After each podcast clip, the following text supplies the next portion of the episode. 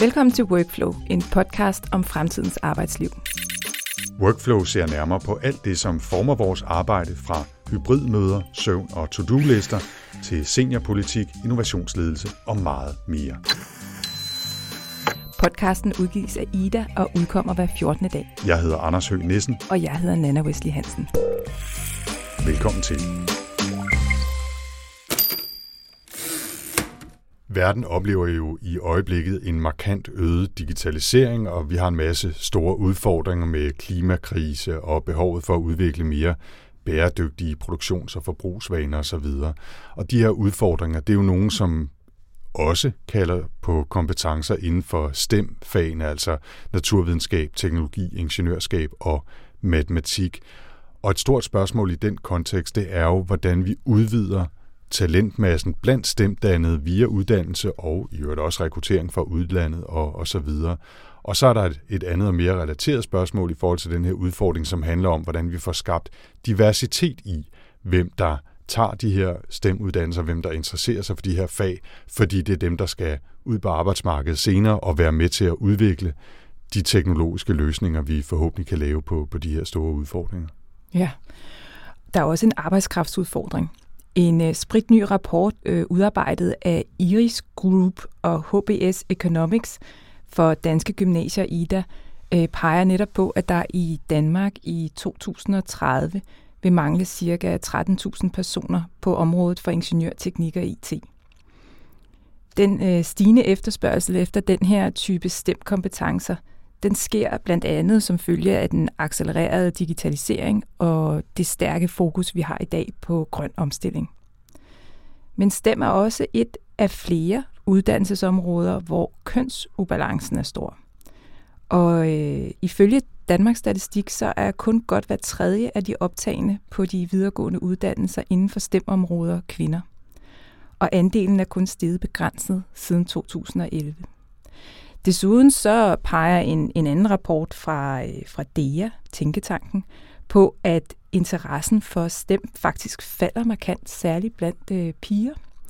Øh, og det er i de ældste klasser i folkeskolen. Pigerne holder op med at se sig selv som nogen med tekniske øh, og videnskabelige kompetencer. Hmm. Det er selvfølgelig ikke en, en spritny problematik, men den bliver stadig mere aktuel, kan man sige. Men noget helt andet, Nana. Nu tænker jeg lige tilbage på vores øh, pilotepisode, der jo kom her i Workflow-feedet ja. for en uges tid siden. Kom vi sådan rigtigt til at være stereotype der? Øh, ja, det gjorde vi måske lidt. Øh, jeg tror, hvis du fik præsenteret dig selv som en, der var utrolig interesseret i, i teknik, og så fik jeg vist sagt, at jeg ikke var noget øh, teknisk geni. Ja, pokkers. Hmm. Øh, det var vist lidt kønsstereotypt. Ja. Men, men jeg vil gerne tage det tilbage, mm-hmm. fordi øh, faktisk så har jeg været god til matematik, fysik, alt den slags ting tilbage i folkeskolen. Øh, der var mange veje at gå, og af en eller anden årsag, så er jeg alligevel endt med at gå sådan en sproglig vej i gymnasiet, og ja, laver jo nu noget, som ikke er helt øh, kvindedomineret, men, øh, men dog, øh, dog mere i det snakkefagene, kan man sige, i det tekniske. Jeg skulle lige til at spørge, hvor, hvor det gik galt henne, ikke? Men, men, øh, men kan jo så bidrage med at sige, at jeg har faktisk også startet med at læse øh, på matematisk-fysisk linje på, øh, på gymnasiet. Det var dengang, der var noget, der hed det. Det var før alt det der med valgfag og forskellige niveaufag og sådan noget, som jeg ikke fatter en bøn af. Ikke? Altså, jeg var matematisk, fysisk, og det var jeg totalt hardcore, og jeg skulle være ingeniør. Det var min store drøm fra jeg var 6 år, hele vejen op igennem øh, gymnasiet. Og så kom jeg ud, og så tog jeg ud og rejse, og så læste jeg først lige samfundsfag et år, og så havnede jeg helt over i litteraturvidenskab på ja. universitetet. Så jeg har virkelig altså også taget den der totale detur. Om det så havde noget særligt med uddannelserne eller noget med mig at gøre, det skal jeg ikke kunne sige. Men, men det der med øh, kønsstereotyper, det er måske noget, som ikke bliver ved med at være normen, fordi der er jo masser af intentioner om, at det skal være anderledes.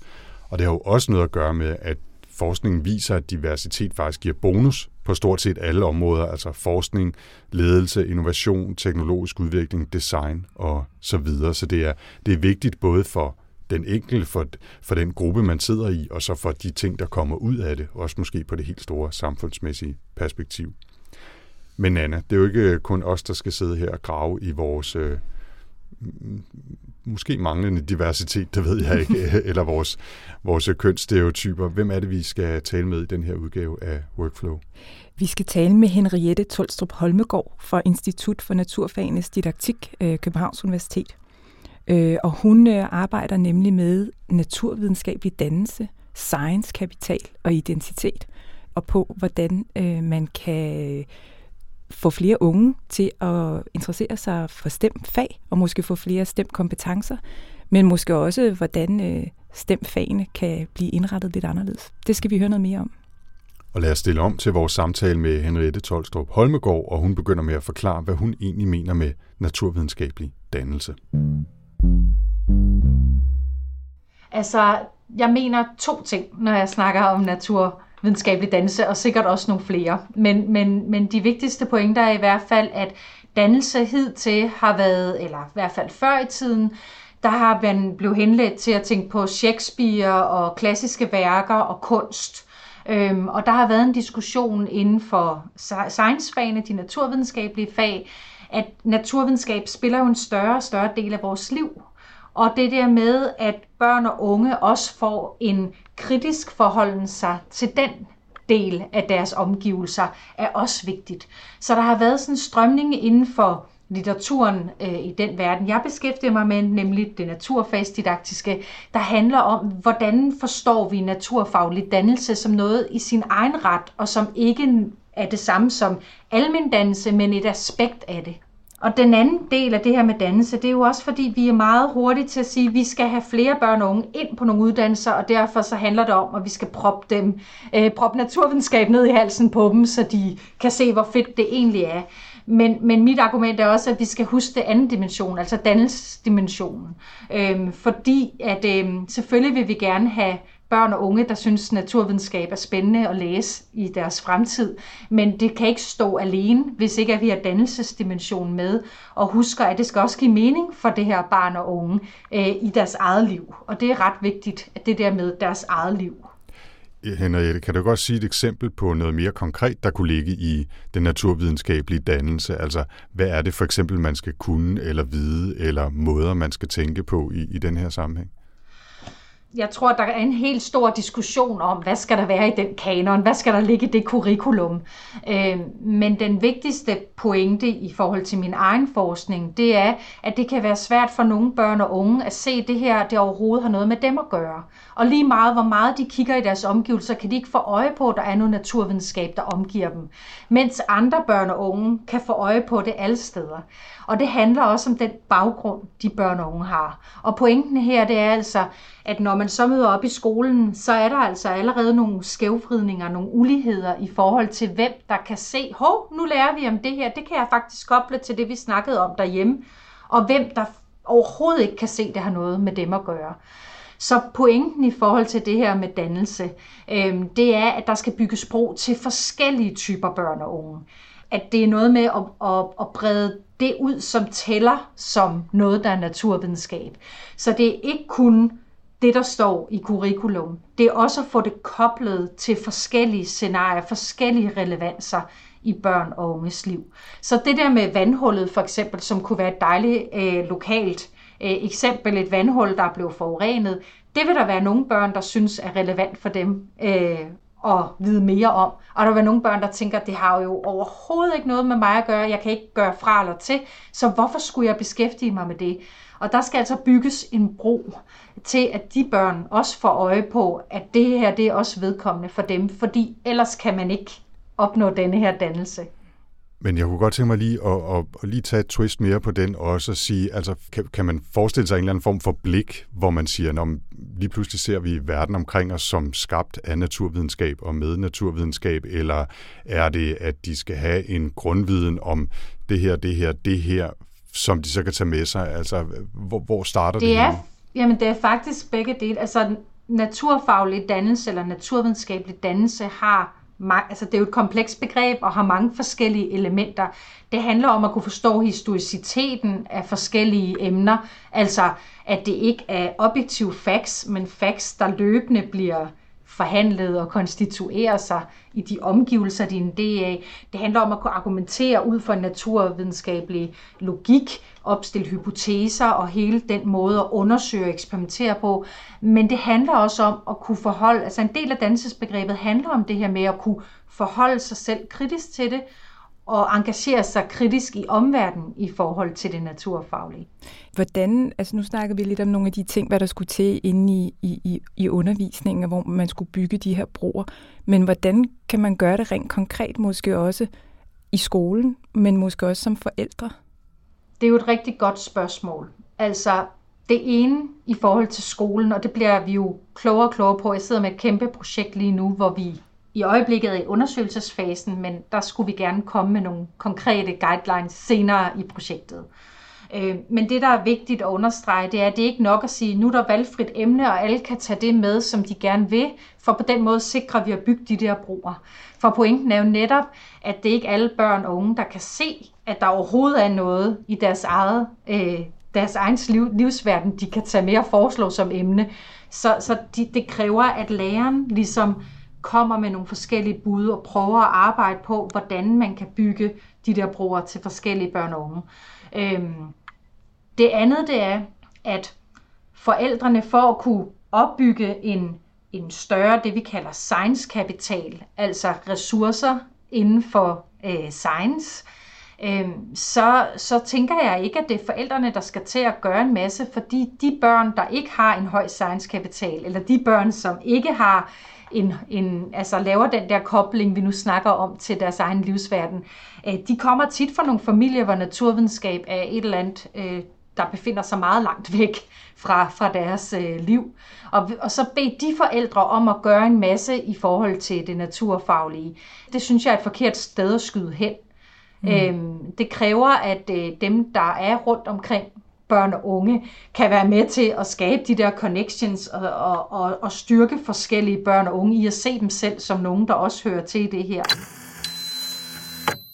Men nu får jeg lyst til at spørge også, hvad er det så for nogle, nogle, nogle uligheder, der egentlig er? Altså, jeg ved, der har været en del fokus på køn, altså at der ikke er så mange piger, øh, og der interesserer sig fra, for, for de her stemfag, naturvidenskabelige fag, måske lige på nær biologi. Øh, og ja, der er i hvert fald stor forskel på det. Men, men køn har ligesom været noget, man har fokuseret på. Men måske er der i virkeligheden mange flere øh, steder, hvor skoen trykker. Ja, vi har en tendens til at snakke om, at det er interesser, og vi skal ligesom styrke de der unge, så de får nogle flere interesser. Det kan være køn, eller etnicitet, eller social baggrund. Nogle af de forskellige sociale parametre. Øhm, og igen har vi en tendens til så at sætte spotlightet på de der piger, de skal styrkes, de skal lave en masse fede ting. Vi sætter dem ud og lave alle mulige øh, events, naturfaglige events, så kan de se, hvor fedt det er, og så kan det være, at de bliver fikset, så de nu synes, det er fedt. Øh, men det, den seneste litteratur og forskning peger på, det er, at det ikke er der, skoen trykker. At der er en del undersøgelser, særligt internationalt, der viser, at, at pigerne har masser af interesser inden for øh, det naturvidenskabelige. De kan bare ikke se, at det har noget med dem at gøre. Altså, så mm. det handler om både at kunne se, at det har noget med en selv at gøre, men også at blive genkendt som en, der hører til her. Og det er også noget af det, der bliver peget på som problemet.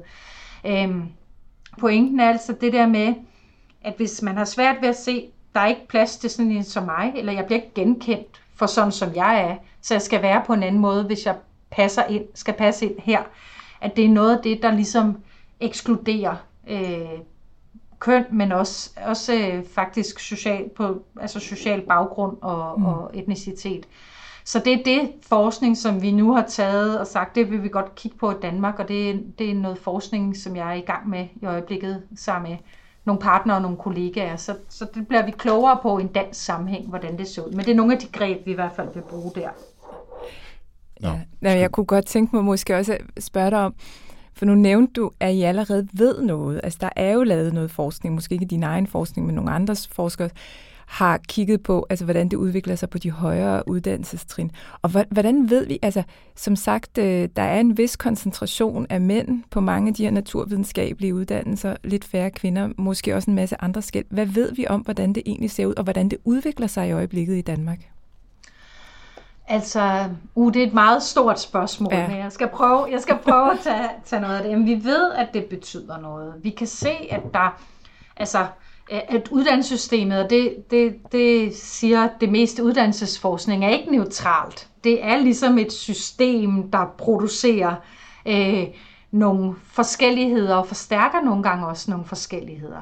Øh, det handler ikke kun om køn, men det handler også om køn. Altså vi kan se det, vi kalder de hårde naturvidenskabelige og ingeniøruddannelser, det er tit at det, at der er størst skævhed på den, altså hvor der er flest mænd, og de bløde, altså de mere biologiske, er tit omvendt. Ikke? Mm. Øhm, så der er nogle mønstre, der, der gør det forskelligt. Det kan man sige, hvorfor ikke have fred med det?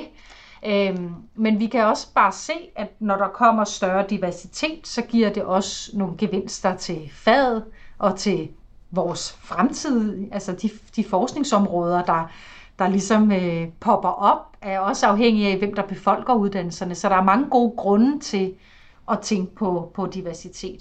Vi kan også se, at noget af det største parameter for sådan noget som frafald, det er stadigvæk social baggrund, altså når vi kommer ind på de videregående uddannelser. Så i stedet for at justere på karaktergennemsnit som et parameter for, hvem der må komme ind, hvis man gerne vil have fastholdelse, så skal man gøre noget ved den der med social baggrund. Øh, hvad er det, der tæller? Det handler både om det sprog, der bliver betalt, talt, det handler om, hvordan siger man højt, hvad der bliver forventet, eller lad, tænker man, at det, nu er de studerende, så skal de selv finde ud af, hvad det betyder. Øh, der er nogle kæmpestore uligheder på spil i det. Og så er der også noget, det ved vi meget lidt om i Danmark, det etniske. Altså hvor i England, der ved man noget om mange forskellige, forskellige artede etniske øh, grupper og forskellige øh, udfordringer, de grupper støder på, der ved, der, der er vi simpelthen stadigvæk meget langt tilbage i forskningen mm. øh, i Danmark. Mm. Øhm, og så er der jo også andre altså områder som internationale studerende. Der er mange andre ulighedsparametre, vi, vi kunne snakke om. Ikke? Men, men, men det betyder noget, og, og vi kan se øh, på en masse parametre, at, at det er noget, vi bør bekymre os om, hvis vi gerne vil have, der er flere, der søger ind og kommer igennem, og vi er interesseret i, at der ligesom er plads til forskellighed. Øh, så, så bør vi interessere os for det som samfund. Der er blevet lavet en del undersøgelser, som viser, at diversitet betyder noget. Altså at øh, hold med, med mennesker af mange forskellige baggrunde performer typisk bedre end, en hold af altså unge hvide mænd, øh, for nu at sige det meget stereotypt. Ikke? I hvor høj grad oplever man det samme i skoler og undervisning? Altså dit, dit arbejde har jo fokus på at skabe en eller anden form for bedre tilrettelæggelse af undervisningen i, i håbet om at få mere diversitet og få flere med og få flere øh, til at fastholde interessen i det her, eller få vagt interessen i det her. Er det det samme, man kan se der? Altså at øh, diversitet er godt også til at skabe en bedre undervisning, så man nærmest kunne forestille sig, at der kom et eller andet dynamisk samspil mellem de to Altså, der er undersøgelser, der viser, at det giver både bedre en læringsmiljø, men også, at når man arbejder altså med forskellige perspektiver, opnår større udbytte. Øhm, så ja, der er gevinster at hente. Øhm, det er selvfølgelig også mere besværligt. Det er altid rart at arbejde sammen med nogen, der totalt ligner en selv. Så det kræver jo også noget med, at der er noget facilitering øh, undervisningsmæssigt af at bringe de forskelligheder i, i spil som en styrke, så det ikke ender med at blive en, altså en svaghed. Øhm, og når, når det er sagt, så er det jo lidt det samme med som underviser. Altså når vi kigger lige meget, hvor vi er i systemet, ikke? At, at det kan være rart at have den der gruppe, man kan pege ud med det samme og sige, de, altså, jeg skal gøre meget for at dræbe deres knist i øjnene, fordi de er med mig. Og det er rigtig fedt som underviser, fordi det er jo rart, at der er nogen, der bider på de kroge, man har forberedt. Men og så er det jo tit, hvis vi skal have alle med, og det bliver sådan, puh, hvordan gør vi det? Og det bliver tit den der udfordring. Så det er jo noget med at vende, okay, hvad er det for nogle forskellige, hvordan kan vi bruge de her forskellige potentielle inputs og idéer som en styrke i undervisningen? Noget af det, som er årsagen til, at vi sidder og her sammen med dig, Henriette, og kigger på STEM, uddannelser, naturkapital øh, øh og, og, og hvad hedder det, diversitet, det er jo de her tanker om, at vi på den lidt længere bane kommer til at mangle folk, som har stemkompetencer, som har en, en grundig forankring i, i naturfagene og har den her science-kapital, som vi har talt om. I hvor høj grad er det noget, du og I forholder jer til, altså at det er noget, som også, i hvert fald nogen mener, er et, altså et, en samfundsmæssig nødvendighed, at vi har flere mennesker af den her slags, hvis man kan tale om, at det er en slags? Altså, jeg tror, jeg tænker, at det er forskelligt, om vi mangler stem, afhængig af, hvor vi kigger hen på stem. Der er også områder inden for stem, hvor man går ud i, i, en lettere arbejdsløshed. Så, så der er en, en, et behov for at differentiere. Vi skal passe på ikke at reproducere hele denne her øh, snak om, vi bare mangler unge inden for STEM, som sådan per default øh, snak. Øhm, når det er sagt, så synes jeg, det er vigtigt, at vi har flere forskellige typer øh, studerende, der synes, at STEM er noget for dem. Og det synes jeg både fra sådan et samfundsmæssigt perspektiv, men også for den enkelte. Altså det er jo det, altså de, de steder, hvor, hvor der er et, et arbejdsmarked, der skriger, der har man jo faktisk et rigtig fint arbejdsliv, ikke? med gode lønninger og gode vilkår. Øhm, så, så derfor så, så kan der også være noget individuelt at hente ved, ved at gå den vej. Øh, men når det er sagt, så er der jo rigtig meget, der viser også, at vi mangler ligesom diversitet i det design, vi omgiver os med det, mest inden for IT-tech-verdenen, ikke? At, øhm, at design ligesom forskelsbehandler. Der er eksempler på, hvis man er sort, så kan Google, eller så kan ansigtsgenkendelsen ikke genkende en, eller øh, øh, Apple glemte at have menstruation med i sundhedsappen, som der er i hvert fald en del, der også påvirker deres, øh, deres, deres liv. Ikke? Øhm, at øh, sikkerhedsbælter blev testet med en, en model mand, så derfor var de mere, biler mere sikre for mænd. Og sådan er der masser af eksempler. Så vi har bare brug for forskellige blikke for at få det bedste ud af det, som er til vores alles bedste. Øhm, og derfor synes jeg, der er en pointe i at beskæftige sig øh, med det her. Og om det så er den der, vi mangler flere inden for STEM, altså det, det tænker jeg, at, øh, at, at, at det gør vi inden for nogle områder, men, men det er jo også fordi, vi har bestemt, at det naturvidenskabelige og det ingeniørvidenskabelige, det er, er noget, der er rigtig vigtigt for vores samfund. Vi, altså, hvor vi jo også har måske skubbet humaniora ret meget ud af den ligning. Altså, der, der kunne også være nogle ændringer i forhold til, hvordan vi, hvad vi synes er vigtigt i vores samfund. Det er jo ikke bare noget, der bliver skabt objektivt, det er også noget, der bliver skabt af vores samfund. Øhm, mm. Så, så der, der, der, der forholder jeg mig sådan lidt mere kritisk eller åben. Øhm, men når det er sagt, så, så, så synes jeg, der er en pointe for os alle sammen i at skabe større diversitet. Øhm, Henriette, fremadrettet, du er stadigvæk i gang med den her forskning. Der er mange af dine kollegaer, som forsker i det her. Øh, men hvad er det ligesom for nogle brækker, vi mangler øh, at forstå for, at vi kan øge diversiteten i de her stemfag? Det projekt, jeg nu er gang i, kommer til at give nogle af brækkerne, men vi kan jo ikke klare hele verden i et projekt. Øhm, så vi mangler at forstå de her ind- og eksklusionsmekanismer, der er på spil i STEM, og forskellige hjørner af STEM, forskellige dele af uddannelsessystemet. Og som jeg sagde før, så har, er vi begyndt at få øjnene op for køn. Altså nu har jeg jo været i det her felt i mange år og, og snakket om køn, men jeg oplever ligesom, der er en interesse nu, som der ikke har været tidligere for den diskussion. Øhm, det giver et momentum til, at vi kan, vi kan kigge på nogle af de øh, problemstillinger.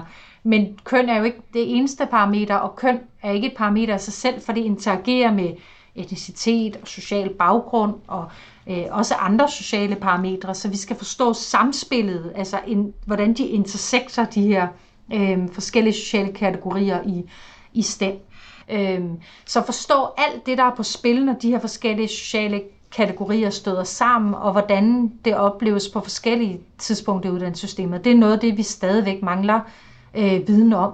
Og, og så det her med etnicitet, som jeg har ikke set nogen danske undersøgelser, der kigger på den del. Mm. Vi har med social baggrund, men, men heller ikke så meget inden for science. Det er nyt, at vi ligesom kobler det inden for det naturvidenskabelige. Men noget andet, jeg lige kommer til at tænke på, i forhold til det der med, hvad mangler vi viden om, så kommer jeg til at tænke på, at jeg var inde hos Ida og, og holdt et oplæg om køn for et års tid siden, tror jeg det var eller jeg var ikke inde hos dem, for det var online, det var coronatid. Øh, men det, der, det, jeg synes var tankevækkende bagefter, det var, at der var en masse kvinder, som sad, kvindelige ingeniører, der sad ude i virksomheder, forskellige virksomheder, der sagde, hvem kigger på os? Altså, vi kan godt genkende alt det her. Og mit blik er jo uddannelsessystemet, fordi at det, det er den type forskning, jeg laver, men Øh, jeg tænker, at der mangler vi faktisk også noget viden. Altså hvad så, når vi har klækket alle de der stemkandidater ud på den anden side? Hvad sker der så, når man kommer ud i en eller anden virksomhed? Øh, det kan godt være, at vi sådan måler succesen på, nu fik vi flere ind, men hvordan har de det, når de går igennem? Altså noget af min mm. forskning viser jo også, at, at nogle af de øh, kvindelige studerende, øh, som jeg har fulgt, har altså synes ikke nødvendigvis, det er verdens sjoveste ting, øh, afhængig af, hvor de nu sidder hen, men, men der er nogle problemstillinger i forhold til, Øh, hvordan, hvad for et liv kan jeg få i den her verden, og det er meget forskningstungt, kan jeg have en familie samtidig med, at jeg bliver i denne her verden. Altså, øh, hvorfor synes min vejleder hele tiden ikke, at jeg gør det godt nok, handler det om mig, eller der er en masse, masse ting der, det skal vi ikke gå ned i nu, men, men hvordan ser det så ud, når vi kommer ud i erhvervslivet, og hvad er det for nogle ting, der er på spil der, altså nogle ind- og eksklusionsmekanismer? Det, det tænker jeg også, vi mangler viden om. Og tak altså her til Henriette Tolstrup Holmegård fra Institut for Naturfagenes Didaktik. Nana, vi skal samle lidt op på det, vi har talt om, og ikke mindst det, vi har hørt fra Henriette i dag. Hvad tænker du efter øh, samtalen med Henriette her? Jamen, altså, jeg er jo arbejdsmarkedsforsker, og altså, det her med efterspørgselen efter arbejdskraft, øh, det er jo bare et skoldhit emne lige nu, og det har det været i mange år. Mm. Øh, så havde vi selvfølgelig lige en lavkonjunktur i forbindelse med finanskrisen og sådan noget, men stadigvæk, selv under det, har der været en tilgang af blandt andet udenlandsk arbejdskraft, øh, øh, med, med nogen, og mange af dem har de her øh, stemkompetencer, fordi der er en efterspørgsel efter dem. Og det tænkte jeg lidt var det, vi skulle snakke om, og så skulle Henriette lige komme og fortælle os, hvad er det, vi skal gøre, så de unge, de bare bliver super interesserede i, i stemfag øh, og tager nogle uddannelser, og så kan vi få løst det problem på sigt. Men jeg synes, noget af det, hun fik fortalt, det er jo, at der er jo virkelig nogle bredere dagsordner på spil her, og man bliver nødt til at tænke det meget mere langsigtet. Ja, der er ikke nogen, der er ikke nogen quick fix løsninger Nej. på det her, vel? Altså, det, det er en meget stor problematik at takle. Ja, ja, og det handler om vores talentmasse og diversitet, og måske også, man kan sige, demokrati lidt, ikke? Altså, at, at der er flere forskellige typer af mennesker, som får indflydelse på, hvordan vores øh, teknologi øh, udvikler sig. Ja. Hvis jeg lige må, må sparke ind med noget i, i den sammenhæng, så sad jeg under interviewet og fik nogle associationer til en diskussion om det, der hedder tilgængelighed eller accessibility i design af konkrete tjenester eller apps eller devices. Og, og det er sådan noget, som tit bliver negligeret. Altså, hvorfor skulle jeg tage stilling til, at nogle folk ikke ser så godt, og derfor gerne vil have lov til at kunne se nogle meget store bogstaver på deres skærm? Altså, det, sådan er jeg ikke, og det, hvorfor skulle jeg bruge tid på at designe min telefon, så folk kan det? Mm. Men der kan jo være tusind af situationer, hvor folk, som ikke har i gåseøjne altså handicap eller synsbesvær, har behov for at se noget i stor skrift på skærmen, fordi de sætter den på bordet og skal kunne se den langt væk fra, eller hvad, hvad pokker ved jeg, fordi det skal være et password, og det kan være besværligt at sidde og se alle bogstaverne fra hinanden. Øhm, og pointen er, at hvis man designer, i det her tilfælde mobiltelefoner, så de er gode for folk, som har problemer med synet eller hørelsen, eller måske med at være super nøjagtige, når de taster på en skærm, jamen så bliver de nemmere at bruge for alle. Mm. Og, og jeg synes, jeg kunne se nogle paralleller i det der med, at jamen, vi skal designe vores uddannelsessystem og måske naturfagsundervisningen, så det bliver bedre for alle. Og det gør vi ved at fokusere på at inkludere dem, som måske har lidt svært ved den undervisning nu, eller som ikke har så nemt ved at komme ind i den undervisning. Ikke? Altså, mm, jeg synes, ja. der var nogle paralleller i det der med, at man, man løfter alle ved at gøre det bedre for nogen, som har lidt udfordringer. Jo, og så, altså, og så lidt at rykke ved det her billede af, hvad er en naturvidenskabsmand, mm. kommer jeg til at sige. Ikke? Altså, øh, det er jo nok det billede, man har med en eller anden mand i en kilde med lidt stridende hår, eller hvordan det nu ser ud. Ikke? Klar. Øh, og at, øh, at, øh, at det kan være alle mulige øh, typer, og så og så kunne identificere sig selv som, at det er et sted, man måske kunne komme hen via sit uddannelsessystem, hvor man måske kunne være med til at skabe nogle løsninger, som vedkommer en selv, og det man, altså de erfaringer, man ligesom har med sig som, som menneske, ikke? Som, ja. som kvinde, mand, eller andre køn, eller anden etnicitet, eller for forskellige sociale klasser. Ja. ja. Jeg synes, det er, jeg synes virkelig, det er interessant det her også, hvis vi skal tage det lidt tættere på de her stemfag. hvordan man tilrettelægger undervisning. Også helt konkret, som kan være med til at bygge broer til øh, de unge, hvad enten de nu er i, i grundskole eller gymnasiale uddannelser eller universiteter. Ikke? Altså, øh, og jeg har været en del involveret i det her forsøgsfag teknologiforståelse, og nu siger jeg en del involveret. Jeg er med til at lave en podcast, som handler om det, og, og ser på erfaringerne i det. Og det er jo så helt specifikt nede at handle om, altså især digital teknologi, hvor, hvor STEM jo er bredere. Det handler også om naturvidenskab og biologi og alt muligt andet, ikke?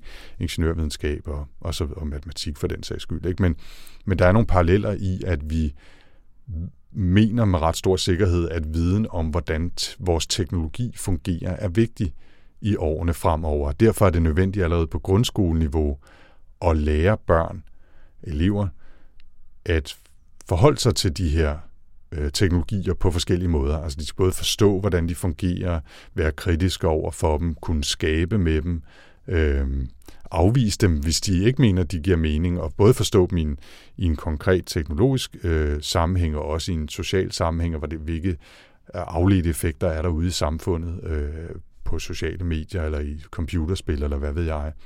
Og der er mange af de samme udfordringer, der ligger i det her fag. Hvordan tilrettelægger man det, så, så det ikke kun er de små drenge, der har fået en, øh, hvad ved jeg, en Raspberry Pi i, i julegave, som, som synes, det er sjovt at lege med i forvejen, der bliver hævet med ind i den her undervisning, men så det også er designet, så det møder alle mulige andre end, end den der kliché drenge nørd, ikke? Altså hvad enten det så er øh, øh, små børn er, er, altså, som ikke bare er drenge, som er piger, eller det er folk af en anden etnisk øh, eller social baggrund, og, og det synes jeg er enormt spændende. Og igen, her er der jo heller ikke nogen klar løsning på, hvordan man gør det vigtige er, at man kommer i gang og prøver at gøre det, mm. og så drager erfaringer af det, ikke? Jo. Jeg, jeg synes, det her øh, begreb naturvidenskabelig dannelse var utrolig interessant. Altså, fordi dannelse er ligesom et begreb, der er meget cementeret i vores måde at tænke uddannelse i, i Danmark, og, og tænke, at vi skal blive øh, nogle ordentlige borgere, øh, som kan deltage i den demokratiske debat. Og noget dannelse handler jo om at have viden på mange parametre, men også om at kunne tilegne sig viden selv ikke? Mm. på sigt. Men jeg tænker også, altså hvis den måde at tænke på, at man skal have, have, have dannelse i forhold til at kunne tilegne sig viden og kunne tilgå nye, nye vidensområder. Altså måske er der sådan noget i det her forskning omkring naturvidenskabelig dannelse, science-kapitaler og det her, som på en eller anden måde måske også kunne inspirere til at kigge på, hvorfor det så er, at mænd for eksempel ikke i særlig høj grad søger ind i mange omsorgsfagene.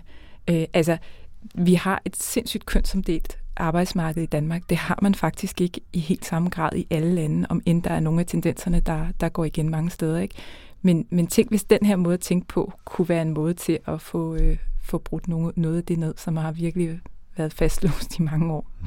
Ja, det synes jeg også er, er rigtig spændende. Ikke? Og på en eller anden måde er det jo lidt sjovt, at vi startede med en undersøgelse af, at der vil mangle nogle tusind mennesker i nogle stemfag om 10 år på det danske arbejdsmarked, og er endt i, at vi bliver faktisk nødt til at omkalfatre ikke bare uddannelsessystemet, men også hele vores arbejdsmarked, for at facilitere en større grad af diversitet og fleksibilitet og variabilitet, har jeg næsten lyst til at sige, fordi så bliver alting bedre hvis jeg nu skulle afslutte på det meget, ja. på det meget høje plan. Ikke? Vi, vi er råd helt ud det på det abstrakte plan. Vi er helt ud i det store perspektiv, og det er altså også der, man kan ende her inde i workflow.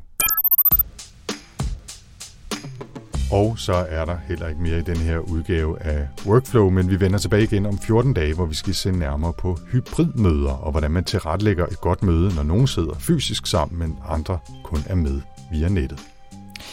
Hvis du vil vide mere om podcasten, kan du besøge vores hjemmeside på ida.dk workflow. Og hvis du vil skrive til os med kommentarer, idéer eller andet input, så kan du skrive til Ida på Twitter eller LinkedIn med hashtagget WorkflowIda. Workflow udgives af Ida og bliver produceret af Podlab. Jeg hedder Anders Høgh Nissen. Og jeg hedder Nana Wesley Hansen. Tak for denne gang.